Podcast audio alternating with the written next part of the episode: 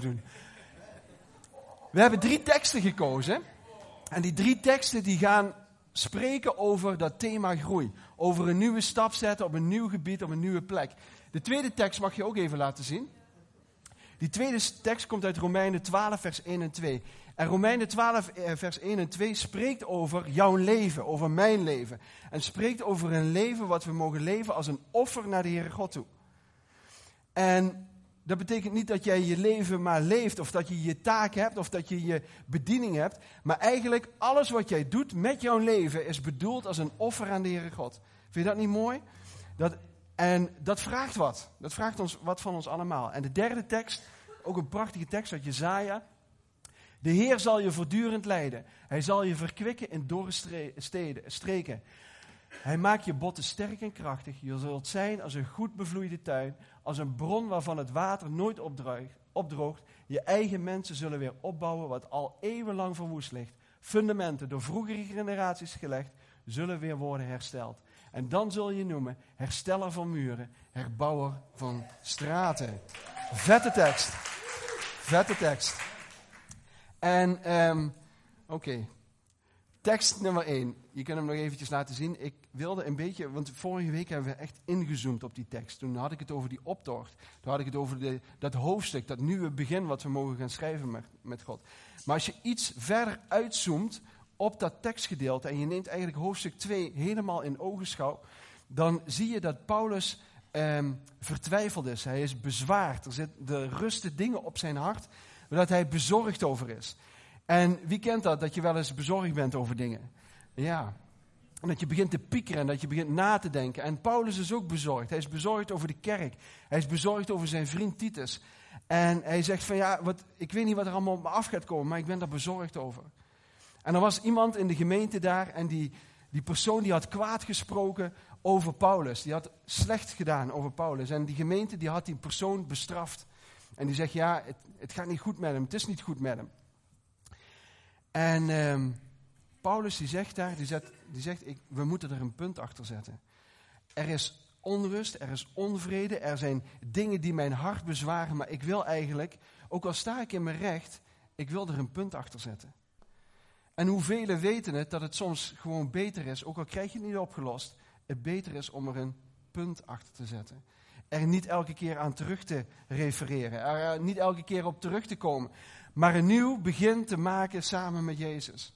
Hoe belangrijk is dat? En hij is daar uh, over bezig. En hij zegt dan op een gegeven moment.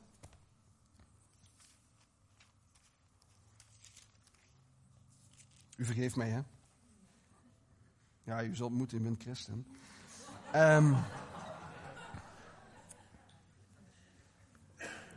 ja. Hij zegt daar. Um, ik heb er alle vertrouwen in dat u in mijn vreugde zult delen. Toen ik u schreef, was ik te neergeslagen en bedrukt en stonden de tranen in mijn ogen. Dat is hoe dat Paulus dat daar schrijft. Ik wilde u geen pijn doen, maar ik wil u laten weten hoeveel dat ik u lief heb. En dan zegt hij van ja, ik, ik ben uh, naar Troas gegaan. En dan zegt hij in vers 12, toen ik in Troas kwam om het evangelie van Christus te verkondigen, gaf de Heer daarmee, daartoe mij goede mogelijkheden. Eigenlijk staat daar letterlijk, ik heb een geopende deur gegeven. Ik heb een geopende deur gegeven. En dat is een beetje ook mijn verlangen voor 2017, dat we gaan zien waar God deuren gaat openen. Dat God een deur opent die wij binnen mogen gaan. Dat God een deur opent voor jou om, om binnen te gaan. Het zij in je werk, het zij in je relaties, het zij op je, in je thuissituatie, maar dat God een nieuwe deur geeft om daar binnen te gaan. En tegelijkertijd, dat lees je dan iets verder, dan is Paulus weer vertwijfeld, want zijn vriend is niet bij hem. Titus die was aangesteld om, om, om verschillende gemeentes wat problemen op te lossen. En Paulus en Titus die trokken samen met elkaar op. Er was, waren soms moeilijke dingen die daar dan voorbij kwamen. En Paulus zegt, ik voel me eigenlijk onthand, want ik zou zo graag willen dat Titus bij mij was. En ik, ik ben eh, ongerust. En terwijl dat er zich een nieuwe mogelijkheid voordeed, is Titus toch in verwarring, eh, of is Paulus toch in verwarring en hij zegt, ik wil dat Titus met mij mee is. En dat is zo belangrijk. Als God een nieuwe mogelijkheid geeft, een nieuwe deur opent, dan wil je daar niet alleen naar binnen, maar dan wil je samen met iemand naar binnen. Iemand die met jou optrekt, iemand die met jou meegaat, iemand die jou steunt en ondersteunt in datgene wat je doet en wat je hebt gekregen van God. En dan slaat die neergeslagenheid van Paulus om, dat verdriet over die broeder in de gemeente, die onmacht, die onvrede die hij voelt. Hij zegt, we moeten weer vergeven, we moeten hem in liefde aannemen, we moeten hem weer bemoedigen, we moeten hem liefde geven. Ook al heeft hij dingen verkeerd gedaan, we moeten hem liefde weer opnieuw geven. En het spreekt het hart van een herder. En daarna zegt hij, oh het is zo mooi als Titus met mij kan optrekken. En daarna, dan slaat zijn droefheid om in vreugde. En dan komt die tekst over die vreugdevolle optocht. En weet u hoe dat komt? Omdat hij niet op die omstandigheden ziet. Hij zegt daar, en toen keek ik weer omhoog naar Jezus. Toen keek ik weer omhoog naar Christus. En hoeveel weten dat het zo belangrijk is om te doen? Dat in momenten waarin dat je leeft, waarin dat je beweegt, waarin dat je bent, je bent be, je behept met de situatie waarin dat je zit en waar dat je mee bezig bent. Maar er komt een moment dat, dat je zegt, ik moet er niet op letten, maar ik moet naar boven kijken. Ik moet op Hem zien. En ik moet van Hem vertrouwen. En dat is waar deze, dit gedeelte over gaat. En hij zegt daar, en daar sluit ik mee af. hij zegt daar dat als wij Jezus vertegenwoordigen hier op aarde. Jezus is hier niet op, meer op aarde. De enige manier hoe dat uw buurman, uw buurvrouw, uw collega, uw oom of tante iets van Jezus gaat waarnemen, is door jou. Jezus heeft ervoor gekozen om terug naar de Vader te gaan, de Heilige Geest te geven en het door jou heen te doen. De enige manier hoe dat ze iets van Jezus gaan zien, is door jou. En welke geur draag je dan met je mee? En dan wordt er gesproken over die aangename geur die opgaat naar God. En dat verwijst terug naar het offer wat gebracht werd. Je kunt dat lezen in Leviticus 1. Daar wordt gesproken over een brandofferaltaar. En dan wordt een brandoffer gegeven aan God. En dan staat er, dat is een heerlijke, aangename geur voor God. Hetzelfde als in deze tekst. Jouw leven kan een aangename geur voor God zijn. en er werd geen gedeelte van het offerlam of van het offerbeest geofferd.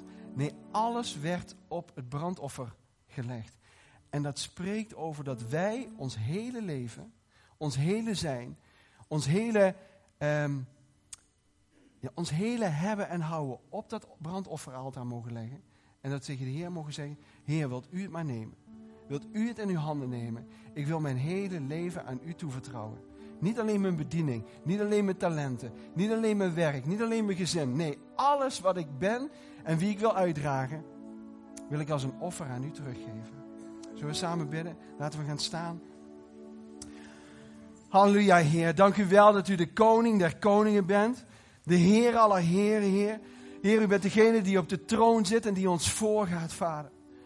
Heer, dank u wel, Heer, dat u het met ons ziet zitten, Heer. Dat u de mogelijkheid heeft gegeven dat wij uw handen mogen zijn. Dat wij uw voeten mogen zijn. Dat wij uw stem mogen zijn. Heer, dat in alles wat wij doen, Heer, dat we uw geur als het ware mogen uitdragen. En mogen laten zien in onze omgeving. Dank u wel, Heer, dat u ons vertrouwt, Heer. Dank u wel dat u met ons op weg wilt gaan. Heer, en ook al is het soms een struikelen achter u aan, we mogen weten dat, u samen, dat we samen met u mogen gaan. Heer, en net zoals dat Paulus te neergeslagen was, Heer, over de situatie die zich in de, in de gemeente voordeed. Hij zette een punt. Heer, en hij maakte een nieuw begin. Hij zei, ik wil die broeder weer vertrouwen, ik wil hem in liefde aanvaarden. Willen jullie dat ook doen? Vader, ik wil u bidden, Heer, dat u ons helpt om punten te zetten. Heer, en een nieuw hoofdstuk toe te voegen aan het leven wat we samen met u hebben. Heer, aan deze kerk, Heer, een nieuw begin toe te voegen. Een nieuw hoofdstuk toe te voegen. Vader, dank u wel, Heer, dat u nieuwe dingen wilt doen. Vader, u bent een creatieve God. U bent in staat om vanuit niets iets te maken, Vader. U bent in staat om vanuit stof een mens te scheppen. Vader, ik denk aan, aan David, Heer, die zegt: Het is wonderbaarlijk hoe dat u mij heeft gemaakt. Hij is helemaal onder de indruk van zichzelf. Heer, en dat is niet omdat hij zichzelf fantastisch vindt, Heer, maar hij kijkt naar u, Heer. Hij richt zijn hoofd omhoog en hij zegt: Heer, dank u wel voor wat u doet in mijn leven.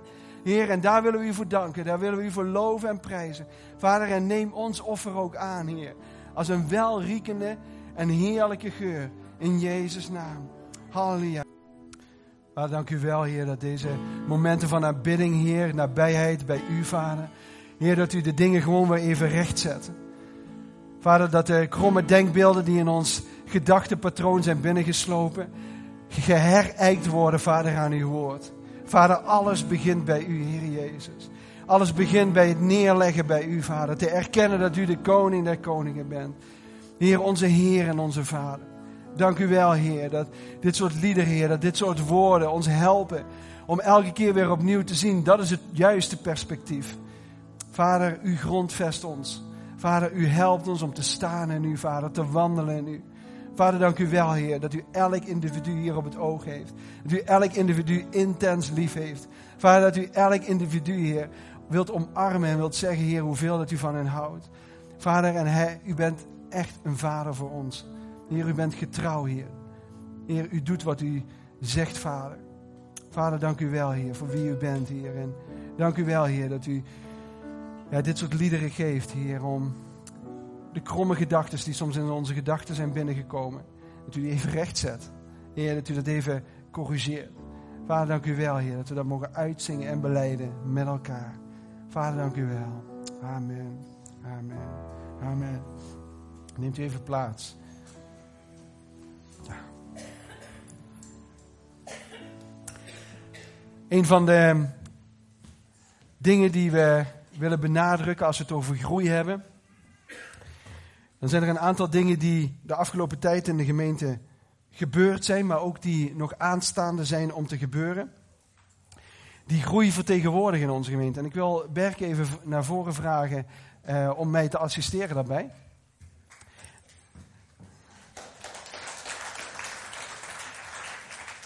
Berk, je krijgt al applaus zonder dat je iets gezegd hebt. Dat is toch. Dat heb ik nog nooit. Uh, maar dat is toch chic, hè? Dat is toch chic. Kijk, Ber die um, uh, vervult een aantal uh, rollen en taken in onze gemeente. Maar wat mij heel erg aantrekt in, in jouw Ber is jouw hart voor, voor mensen. maar ook jouw hart om ja, mensen te zien ontwikkelen en dichter bij God te komen.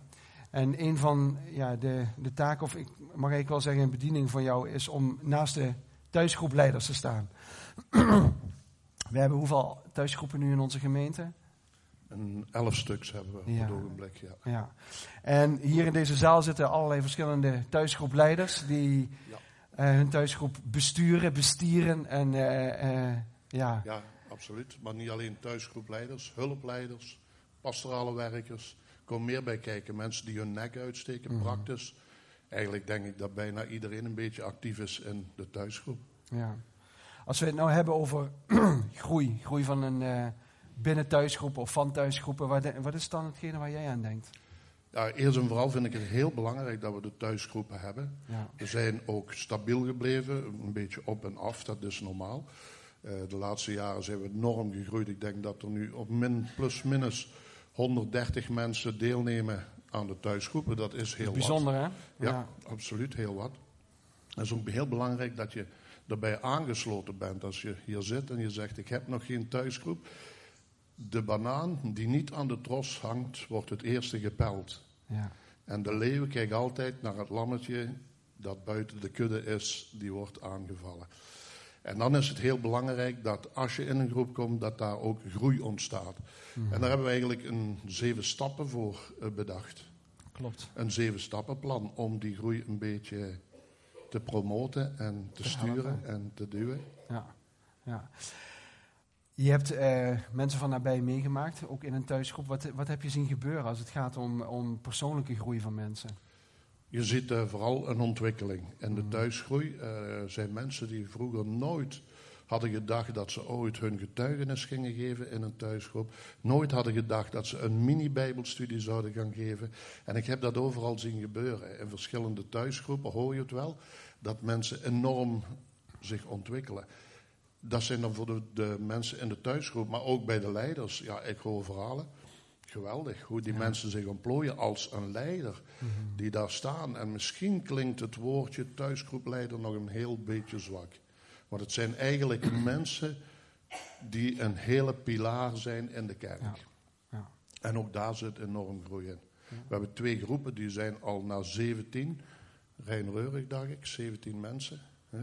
In de thuisgroep, dat is heel wat. Marijke ook, 17. Mm Kunnen er nog twee gaan bijkomen, dan zit hij al aan 19. Ja. Dus dat is heel wat. Als je die ontwikkeling ziet, ja. uh, ik kan het alleen maar toejuichen dat de mensen ervoor gaan. Ook de andere groepen trouwens. Hè. Ja. Uh, een van de dingen die mij altijd zo bijblijft bij thuisgroepen is mensen die voor de eerste keer hardop gaan bidden. Um, dat vind ik zo'n mooi moment als dat, als dat gebeurt, want dan hoor je in één keer je eigen stem ten opzichte van God en je gaat dat uitspreken.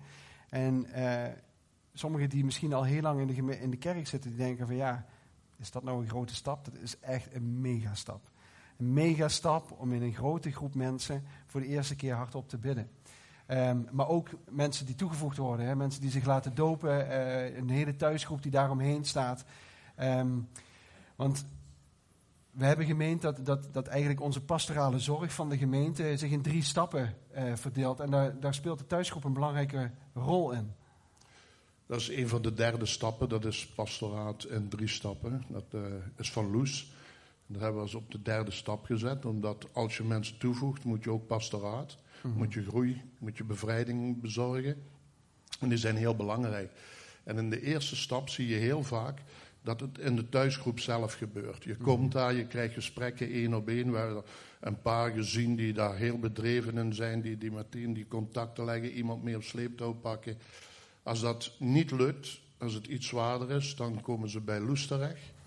En doet Loes dat. En als het nog verder moet, dan spreken we over Bethesda of Manna. Ja. Dus dat de mensen vooral, het, het is vooral gericht op vrijkomen, ontplooiing. En dat mensen zich kunnen gaan voor wat ze eigenlijk, ja. who I am, zoals het liedje, tot, tot dat punt kunnen komen. Ik denk dat een heel mooi principe is dat je in je thuisgroep als het ware je eerste pastorale zorg eh, ontvangt. Je hoeft niet meteen naar de ouds of naar de voorganger te rennen, maar je mag bij je thuisgroepleider en bij de veiligheid van die thuisgroep mag je zijn en dan mag je je verhaal vertellen. En als je er dan niet uitkomt, dan hebben we een heel pastoraal team wat voor je klaar staat. We hebben de herstelgroep die ook weer eh, deze maand gaat beginnen. En ehm, ja, daarbij hebben we, eh, denk ik, ja, onze ouders en, uh, en ikzelf dan, die, die daar een rol in kunnen vervullen. Maar ehm, ik denk dat het fantastisch is dat we dat op die manier kunnen doen. Als je denkt aan 2017, wat, eh, waar gaat jouw focus liggen tenminste ten aanzien van uh, de thuisgroepen? Ik denk nog meer diepgang uh, creëren, maar we hebben natuurlijk een heel groot probleem en dat, dat heb je al aangehaald. Het zit vol. Mm -hmm. Dat is hier al. Mm -hmm. Stel je voor dat die thuisgroepen gaan groeien, dan hebben we een heel groot probleem. Mm -hmm. Maar we kunnen het niet gaan houden. Een thuisgroep kan niet bestaan uit 30 mensen. Dat, dat, dit is te groot. Dus er moet echt, en dat is dan het, het volgende thema voor Sevens, er moeten echt stappen gezet worden van leiderschap. Maar ook met de leiders, de huidige leiders van de thuisgroepen zitten we woensdag in de grotten van Kan. Ja. Een klein buffetje, maar daarna gaan we to the point. Daar krijgen ze wel iets op hun nek. Dat zijn zeven stappen die ze voor dit jaar echt hard moeten gaan aan werken. Ja. En dat vraagt tijd van jezelf, dat ja. kan niet anders. En ik ben ervan overtuigd, als we die stappen niet gaan zetten, dan blijven we ter plaatse trappelen. Mm -hmm. Dan gaan we niet groeien. En ik denk dat iedereen, en dat is de kracht van de thuisgroep, iedereen die in een thuisgroep zit, kan zo gemakkelijk zijn pa eens meevragen, zijn moeder op laagdrempelige dingen. En dat willen we gaan stimuleren. Zodat de mensen van buitenuit, het is groei in de groep is heel belangrijk mensen zich geestelijk ontplooien. Maar de groep zelf moet ook gaan groeien. Ja. En de thuisgroep, dat is zo laagdrempelig. Gisteren zat ik bij de bikers en daar hadden ze een, een genezingsdienst en dan komen daar twee wereldse clubs binnen. Dat was geweldig om te zien hoe die mannen de handen kregen opgelegd. En dan zeg ik, het kan. Ja. De tijd ja. is aan het komen dat het kan. En toen dacht ik, met de thuisgroepen kan dat net hetzelfde. Je kan mensen van in je omgeving zo stap voor stap naar die thuisgroep begeleiden. En wie weet waar ze eindigen. Mooi, mooi. Ja. Dankjewel, ja. Ber. Heel goed. Nou, dit stukje, dat, dat, dat, dat, dat, dat sluit eigenlijk aan op, uh, op datgene wat we net verteld hebben. Precies. Heb ik ook nog een microfoon? Ding dong. Het volgende reclameblok. nee, dat, uh, dat is flauw. Uh, ja, het uh, thema of uh, het woord wat eigenlijk vandaag centraal staat is groei. En ik hoorde Ber, ik hoorde jou net zeggen, als je wil groeien, dan moet je stappen zetten. Anders gaat er niks gebeuren en dan blijf je spartelen op de plek waar je bent. En dat klopt, als je wil groeien, dat kost inspanning. En daar moet je over nadenken en daar moet je een stap voor zetten. Um, vorig jaar hadden we Visiezondag. En toen hebben we aandacht gevraagd voor de Alpha-cursus. Toen hebben we een oproep gedaan om um, in 2016 te starten met een alfa-cursus. Hebben we gevraagd of daar mensen uh, aan mee wilden werken. Er zijn mensen die hebben zich voor opgegeven. En we hebben, in 2016 hebben we een, um, een uh, ja, prachtige alfa-cursus is gegeven. Er zijn uh, een hoop mensen die hebben daaraan meegedaan. Er zijn mensen die zijn opgestaan als leider. Die zijn dat gaan leiden. in 2017 gaan we dat weer doen.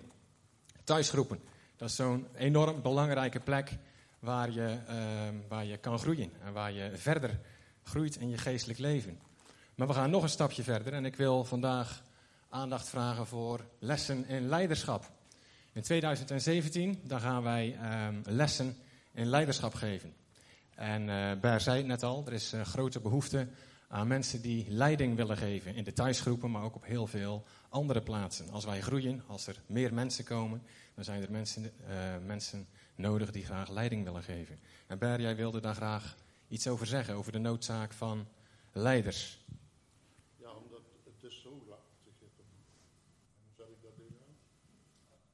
boven, denk ik. Oh, sorry. Ja. Ik ben een blondje op dat gebied.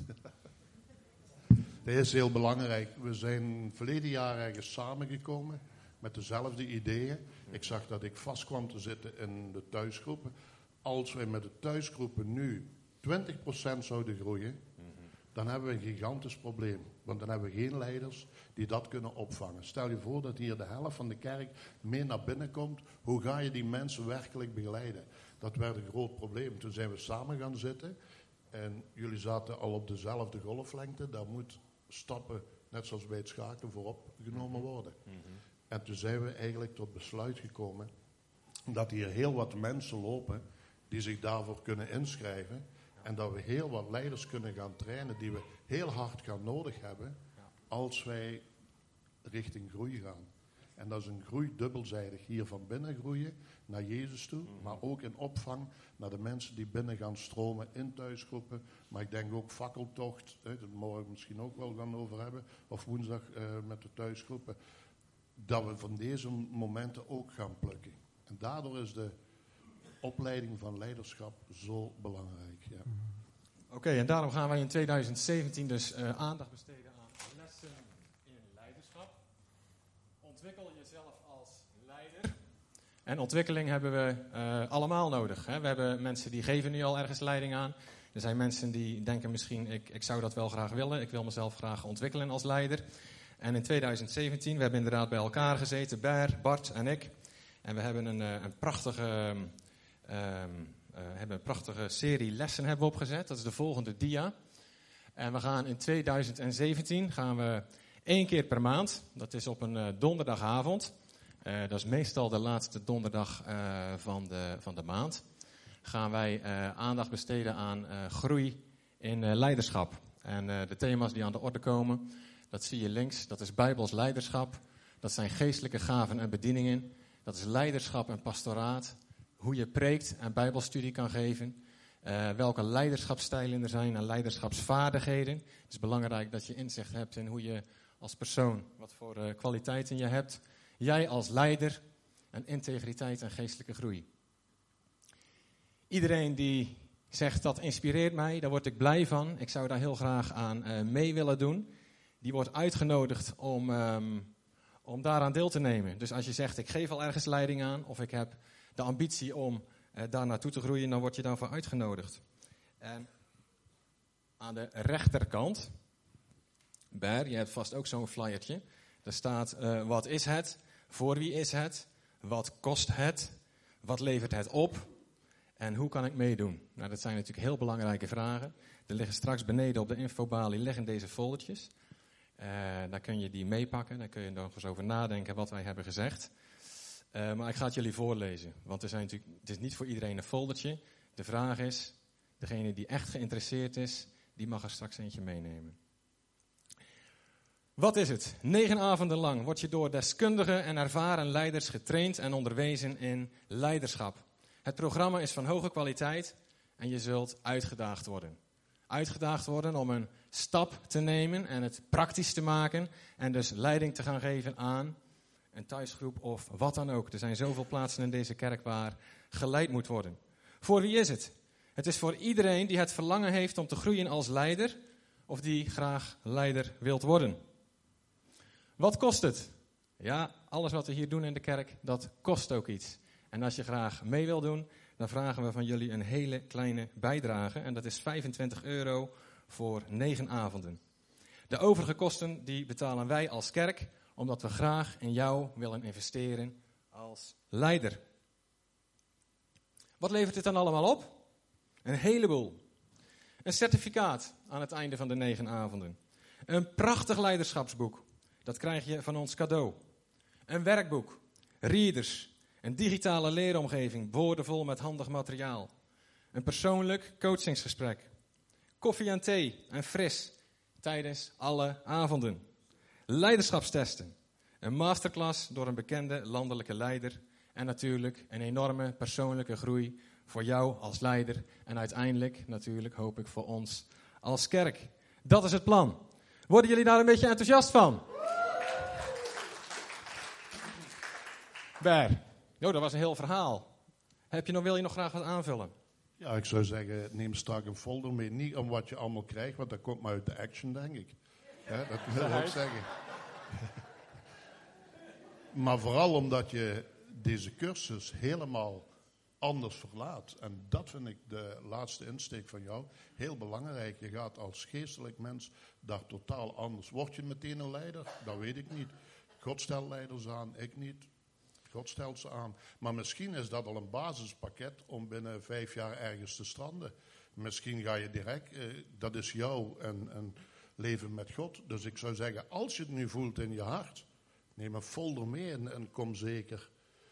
En zeg je halverwege ik haak af, heb je altijd enorm veel meegenomen. Ja. Ik kan het echt aanbevelen. En we willen natuurlijk graag dat als je jezelf daarvoor opgeeft, dat je je opgeeft voor negen avonden. Dus dat je ook echt toewijdt en zegt, ik ga negen avonden uh, deze, deze cursus volgen. Uh, het is heel mooi wat je zegt. Het is een stap die je neemt. Wat de uitkomst is, dat weten we natuurlijk niet. Maar je begint altijd met de eerste stap. Dan ga je groeien en uh, je komt er geheid beter uit als dat je erin ging. En met die verwachting gaan wij daar samen aan beginnen. En ik zie er naar uit wie zich allemaal gaat opgeven. Groei. Persoonlijke groei, maar bij groei denk je natuurlijk ook, althans ik, aan het helpcenter. En daarom wil ik Maarten naar voren roepen, die gaat ons iets vertellen over het helpcenter. Het helpcenter is volgens mij, um, hoe lang bestaan we al Maarten? Januari 2015. Januari 2015. En het groeit als kool en we verwachten alleen nog maar meer groei. En daar um, gaat Maarten ons iets over vertellen. Yes. Um, nou goed, visie van het Helpcenter voor 2017. Daar is mij gevraagd om wat over te delen. Heeft ook alles met, uh, met groei te maken. Tenminste, dat uh, is zo uh, gebleken. En um, nou, om maar meteen met de deur in huis te vallen, waar we op willen gaan insteken, waar we de aandacht op willen gaan richten, is dat we straks op drie verschillende locaties alle, allerlei verschillende activiteiten doen voor verschillende doelgroepen. Dus alle mensen die een nood hebben, die komen langs Kom en zie, zie helpcenter. Maar in ieder geval langs kom en zie. Dat vertrouwen, dat hebben we al. Maar dat willen we nog meer uh, laten groeien. En niet omdat wij dat zo nodig willen. Of dat wij daar vinden dat we daar zo goed in zijn. Maar u snapt waarom wij graag relaties willen bouwen met mensen. En uiteindelijk willen we dat er mensen die in armoede zitten, die het niet meer zien zitten, die geen uitweg meer weten, die um, nou ja, geen licht meer aan het einde van de tunnel zien, dat ze helemaal uit die armoede komen, dat ze alles ontvangen wat ze nodig hebben, uh, advies, uh, begeleiding, uh, en dat ze weer aan het werk gaan en dat ze uiteindelijk weer tot herstel gaan komen. Um, nou, dus dat zijn de dingen waar we op gaan insteken voor 2017. En er horen natuurlijk ook doelen bij, dus die hebben we ons ook gesteld. Nou, wat zijn die doelen dan? Zoals gezegd, dat we actief gaan worden op drie verschillende locaties in de gemeente Schinnen voor de praktische en de sociale armoedebestrijding. Dus dat betekent dat we midden in de maatschappij gaan, uh, gaan staan en um, vindplaatsen worden zoals het dan uh, genoemd wordt. Dus, en die vindplaatsen zijn eigenlijk niet meer dan het faciliteren van het bouwen van relatie. Dus dat is evangelisatie 2.0, zo zou je het kunnen noemen. Ik moet het toch een beetje modern vertellen. Hè? Um, maar je hoeft niet meer dat kistje op, dat hoeft niet. Um, maar de mensen komen gewoon naar ons toe. Ja, makkelijker gaat het niet worden. maar goed, daarover zo meer. Nou, locatie 1, dat is hier gewoon op de boerderij. Daar gaan we, uh, zoals we nu ook al doen, elke week weer voedsel uh, geven aan de mensen die daar niet meer zelf in kunnen, kunnen voorzien. waar de nood het hoogst is. Nou goed, nu al zijn er elke week maatschappelijk werkers van Partners en Welzijn, zo heet het hier. Die komen elke week al met twee man, komen hier aansluiten voor als ze echt eh, nou ja, professionele hulp nodig heeft die wij zelf niet kunnen bieden, zitten die daarbij. Dat eh, blijft hier gewoon op locatie. We gaan ook, omdat we zo uh, explosief groeien, gaan we ook de administratie uitbreiden. En ehm, nou, dat gaan we vanaf april ongeveer uh, doen. En daar hebben we ook een locatie ter gekregen vanuit hier. Dat we um, die ruimtes die gaan we klaarmaken. En um, dat we dat gaan doen. Nou, locatie 2, en dat is zeg maar de nieuwe situatie. Dat is de locatie die u achter u ziet. Dat is het gebouw bij de brandweer in Schinnen. Dat is het SOS-gebouw. Daar zit nu al het JIS in en die gaat verbouwd worden. De gemeente gaat dat doen, heeft dat toegezegd. Zodat wij daarin gaan kunnen met onze kleding zodat daar een, een, woonkamer komt, een huiskamer voor ouderen, voor jongeren. Allerlei, allerlei activiteiten gebeuren daar nu al. Dus de wandelvierdaagse, eh, kindervakantiewerk, noem maar op. En daar mogen wij als uh, het Community Kledingcenter gaan zitten. Dus dat betekent dat uh, drempels omlaag gaan, deuren open gaan. En dat het eigenlijk vanzelfsprekend is dat als er een wandelvierdaagse is, dat, dat we daarop beginnen of dat we hier beginnen. Dus dat maakt dan niet meer zoveel uit. Dus dat is ook heel erg mooi dat de gemeente dat gaat verbouwen en dat we daar met onze kleding gaan zitten en een ouder hangplek. U kent het wel, de jongere hangplek kent u wel, maar ook ouderen willen graag lekker hangen, koffie drinken, lekker chillen. Alleen noemen ze dat zelf niet zo. Nou, dat kan daar. Um, en uh, dat zal, zullen we doen met Cicero, maar, of uh, met bijvoorbeeld een, oudere, partij die voor ouderen zorgt, professionals. En ook met het, uh, met het JES, die voor jongeren van alles doet. Dus dat is een prachtig, ja, prachtig vooruitzicht. En dan hebben we de locatie 3 dat is wat u nu achter ons ziet. Dit is een stuk grond, dat is gigantisch. En dat stuk grond is toegezegd door de gemeentes, die gaan ze aan ons ter beschikking stellen. Ze gaan dat niet alleen ter beschikking stellen, ze gaan er ook een hekwerk omheen zetten, ze gaan er een blokhutje zetten voor de mensen die daar gaan werken. Ze gaan alle nutsvoorzieningen uh, voorzien. Nou, en daar gaat de hersteltuin komen. Nou, u hoort het al, de hersteltuin, de naam zegt het. Um, daar zitten in een hersteltuin, daar is de doelstelling dat er gezonde voeding wordt gemaakt door mensen zelf, door onszelf. En we elke week, want we willen, omdat mensen in armoede leven, niet dan maar met de restjes, maar willen ze um, het beste van het beste geven. En dan ook nog eens hetgeen wat God zelf maakt. En hoe mooi is het om mensen dicht bij die schepping te brengen, ze het zelf te laten zien hoe God het maakt, hoe God het schept. Elke keer als je de grond weer gaat ploegen, dan mag je weer een zaadje planten en dan zie je weer dat proces van de schepping. Van hoe God daar iets, uh, iets nieuws uh, creëert, elke keer weer opnieuw. Nou, dus er zitten heel veel mooie bijbelse uh, metaforen in, maar het gaat erom dat mensen daar op die plek tot herstel worden gebracht. En uh, dat we daar een relatie bouwen met, uh, met mensen voor, voor elke kwetsbare doelgroep. Er gaat ook een bezinningsstukje komen in die tuin. Van bovenaf ziet het dan uit als een kruis. 70%, van, 70 van de mensen hier zijn katholiek. Dus we willen daar een natuurlijk kapelletje gaan, gaan, gaan maken. Waar als we willen praten met mensen, dat we daar in die bezinningstuin het gesprek kunnen aangaan in alle, in alle rust. Dus maar goed, er zijn een hele hoop ideeën met diertjes, met honing, met, met groenten. Met, nou goed, dat gaat heel, heel, heel erg gaaf worden. En um, um, alleen, nou moest ik wat vertellen over de, de visie. En nou, alles wat ik vertelde is natuurlijk super gaaf. Maar dat zijn allemaal maar uh, ja, middelen voor die visie te bereiken. Dus de, de visie is niet wat ik u nou net verteld heb. Sterker nog, alles wat we gaan doen voor 2017, alles wat daarna komt, eigenlijk is het niet meer dan simpelweg het hele circus daarachter. En dat klinkt misschien een beetje gek, maar het is uh, niet meer dan, uh, dan een circus wat we opbouwen en opteugelen. Uh, en wat ik daarmee bedoel is eigenlijk dat, um, ja, um, nou, wat ik daarmee bedoel is, is dat. Um, uh, hoe, hoe, zal ik het goed, hoe zal ik het goed zeggen? Kijk, een, nieuw begin. we hebben allemaal, hebben wij, heeft God een nieuw begin gegeven toen hij de schepping maakte. Dat was een nieuw begin. Toen, die, uh, toen wij door ons eigen toedoen um, de, uh, het verpest hebben, om het zo maar even te zeggen. Toen had hij Jezus gegeven, gaf hij een nieuw begin. En we hebben dat allemaal nodig. We kennen allemaal het feit dat wij een nieuw begin hebben. En als we dat alles daaromheen weghalen, dan weten we dat dat allemaal maar middelen zijn om dat doel te bereiken. En um, uh, Jezus is geen, geen middeltje om onze doelen te bereiken. Want het zijn allemaal doelen, dat is allemaal leuk. Maar het gaat om uh, dat Jezus is het einddoel. En die willen wij aan mensen overbrengen. En we hebben allemaal hebben wij dat nieuwe begin. hebben we ooit ontvangen. En de enige weg naar het nieuwe begin is Jezus zelf. En ehm, eh, ja, Jezus is, de, is degene die alleen maar dat nieuwe begin kan geven. En wij hebben dat nieuwe begin, wij kennen dat. Wij kennen Jezus, wij hebben allemaal een keer dat nieuwe begin gehad. Ehm, ook al hebben we allemaal ellende en moeite in ons leven, maar we hebben allemaal hebben we dat mogen ontvangen. En dat hebben we gewoon in handen, dat nieuwe begin.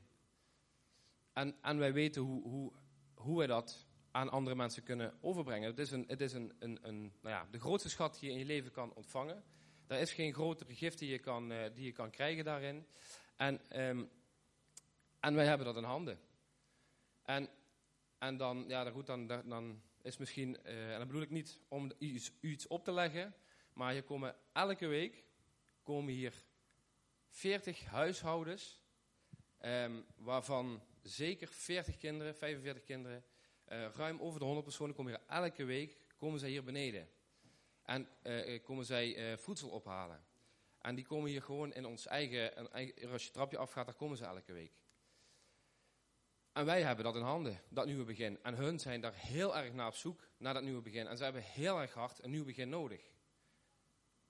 En um, nou, we hebben allemaal het verhaal gehoord van de jongen en Heerle deze week. Die zo ontzettend gepest is dat hij het gewoon net niet meer zag zitten. En een einde aan zijn leven heeft gemaakt. En dat is verschrikkelijk. Nou, ik, goed voor degenen die niet weten wat ik doe, maar uh, soms heb ik in, in, één dienst van acht uur, kom ik, kom ik bij, bij, mensen dus op vijf verschillende plaatsen waar iemand of zelf de stekker eruit heeft getrokken of dat wilde doen, omdat hij, dat, omdat hij het niet meer zag zitten. En wij hebben dat nieuwe begin in handen. En um, ja, dan, uh, dan vind ik dat, uh, dan raakt mij dat, omdat ja, elke week dat dat weer gebeurt, dat mensen het niet meer zien zitten. Wij hebben dat in handen, dat ze, dat ze, dat dat, we kunnen dat hoeven maar naar beneden te gaan, we hoeven nergens meer naartoe. Ze komen gewoon hier in dit gebouw en wij kunnen dat nieuwe begin, kunnen wij gewoon geven. Wij kunnen dat zijn. Wij hebben dat in handen. En een organisatie bouwen, dat kan iedereen. Dat is niet zo moeilijk middelen inzetten, uh, uh, uh, dingen in de benen zetten, dingen organiseren, dat is niet zo moeilijk. Um, maar, en ik denk dat met het helpcenter, dat is, als u vraagt wat is de visie, dat is de visie. Dat er mensen die hier komen, dat we die een nieuw begin geven. En dat nieuwe begin is door Jezus alleen. Hij geeft het nieuwe begin en dat is alleen maar door hem mogelijk gemaakt. En voor de rest kunnen mensen van alles proberen en zoeken en zoeken en zoeken. En kunnen mensen echt wel problemen hebben. Maar hij is de enige weg naar het nieuwe begin. En met z'n allen hebben wij dat. En het is niet de vraag, wat kan ik, wat zijn mijn talenten? Tuurlijk, dat mag je zich zeker afvragen. Maar even voor uh, uh, het maar te schetsen. Jezus heeft ervoor gekozen om door ongeletterde, simpele vissers, om de hele wereld te veranderen. Dat heeft hij door twaalf gedaan. En de vraag was niet van hey, uh, nou, ben jij geschikt? Wat voor studie heb je gedaan? Maar de vraag was alleen maar, ben jij bereid? En wat mag het jou kosten? En dat is de enige vraag die je, je maar hoeft af te stellen. Dus, nou, de grond hier is dus niet hard, maar die is boterzacht. En um, zoals ik al zei, 70% van de mensen hier katholiek. Die zijn allemaal op zoek, hebben allemaal honger. En er zijn zoveel mensen die zijn in zo'n gigantische nood. En wij hebben daar het antwoord op. Die hebben wij. En dus, niet, um, uh, dus daarom gaan we als helpcenter, even terug vanuit visie, daarom gaan we als helpcenter dat doen wat er nodig is om die visie handen en voeten te geven. En als we daar uh, 20 locaties en 20 tuinen voor moeten opstarten, al moet ik hier uh, mijn haren paars verven en de handstand tegen de muur gaan doen, dan gaan we dat doen. Dus, uh, want dat is de visie. En niet de, de middelen, dat is niet de visie. Um, dus we gaan doen wat er nodig is. En de vraag is niet of het allemaal wel of niet kan. De vraag is niet, hebben we de middelen wel? De vraag is ook niet, ja, hebben we het geld wel? Dat is de vraag niet. De vraag is, wat is er nodig? En dat gaan we doen. En als we durven God te geloven voor wat hij zegt, dan gaan we zien dat God het allemaal gaat voorzien. En dat we die vraag van tafel mogen vegen, maar vooral in geloof eh, daarop mogen vertrouwen en in, God mogen vertrouwen. Dus als het nodig is, gaan we uitbreiden, wat mij betreft, in de hele regio, want de nood is hoog. Um, en liefst gekoppeld aan de lokale kerk. Um, want dat is de vindplaats waar mensen uh, God mogen gaan, uh, gaan vinden. En dat nieuwe begin mogen vinden. En waar dan nog geen kerk is. Nou, uh, van maandag tot en met zaterdag ben je gewoon kerk met elkaar door hetgeen wat je doet. en dan gaan we van mijn part kerken nog stichten. Ik zag net een mooi filmpje in Sittard. Ik heb nog niet met jou daar van tevoren over gesproken.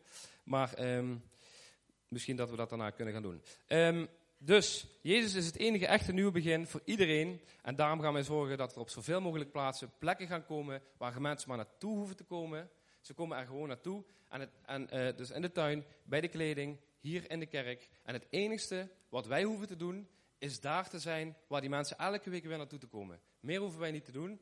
En relatie bouwen.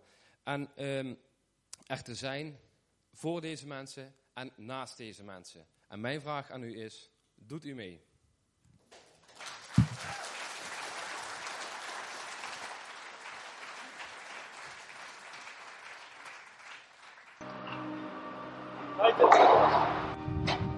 Goedemorgen allemaal. Hartelijk welkom op de Visiezondag 2017.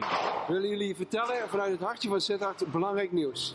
Belangrijk nieuws, want in 2017 gaan wij als kerk een, eh, een, stap nemen waarvan wij geloven dat wij als kerk zullen gaan groeien. En daar zien we naar uit om dat te doen.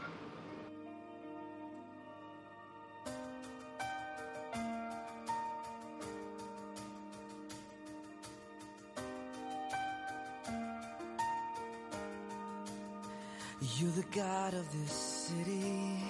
You're the King of these people. You're the Lord of this nation. You are. You're the light. We lopen hier uh, door het centrum van Sittard. Vorig jaar hebben we ook zo'n visiezondag gehad. En toen mm -hmm. hebben we ja, de mensen eigenlijk twee keuzes voorgelegd. Ja. We hebben toen inderdaad uh, uh, nagedacht om een groeistap te gaan maken. En we hebben de mensen twee keuzes voorgelegd. De ene keus was, uh, we gaan een externe dienst houden op zondag. Dus we gaan uit de boerderij. En de andere keus was om twee diensten op deze locatie te gaan houden.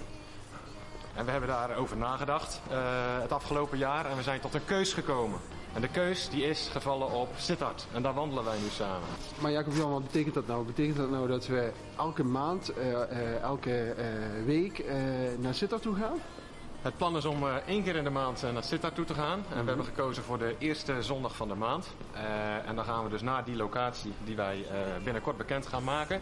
En op die plek gaan wij een, een kerk bouwen. Voor één dag, met alles erop en eraan. Klinkt heel spannend. Um, daar is volgens mij ook ja, er is een bepaalde naam voor. Concept voor.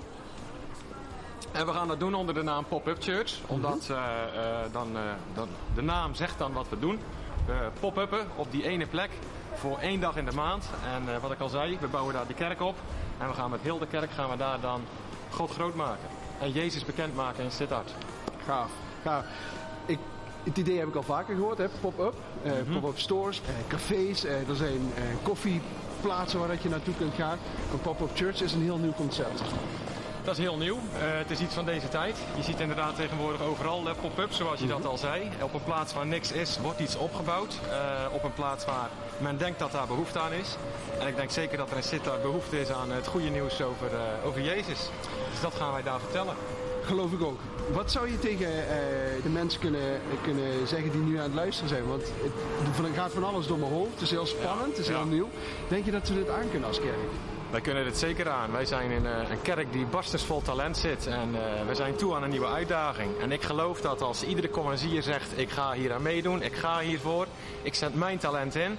Dan wordt dit een succes en dan gaan wij heel veel mensen bereiken met het goede nieuws. Dus mijn vraag aan jullie is: doen jullie allemaal mee? There is no one like our God.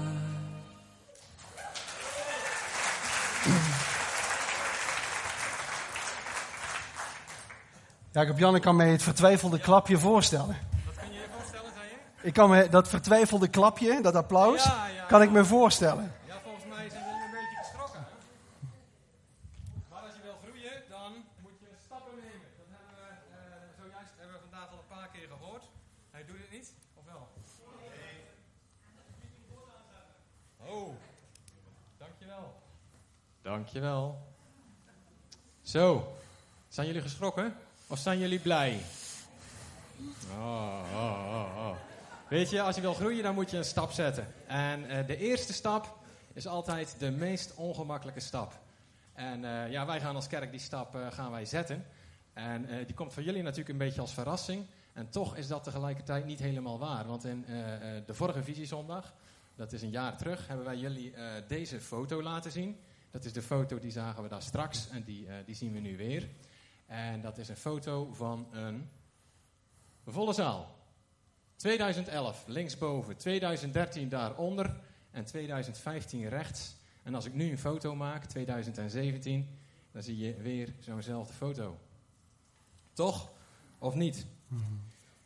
Weet je, een van onze kernwoorden is groei. En uh, we verlangen op alle fronten verlangen wij naar groei. Als persoon, dus persoonlijk, maar ook als kerk.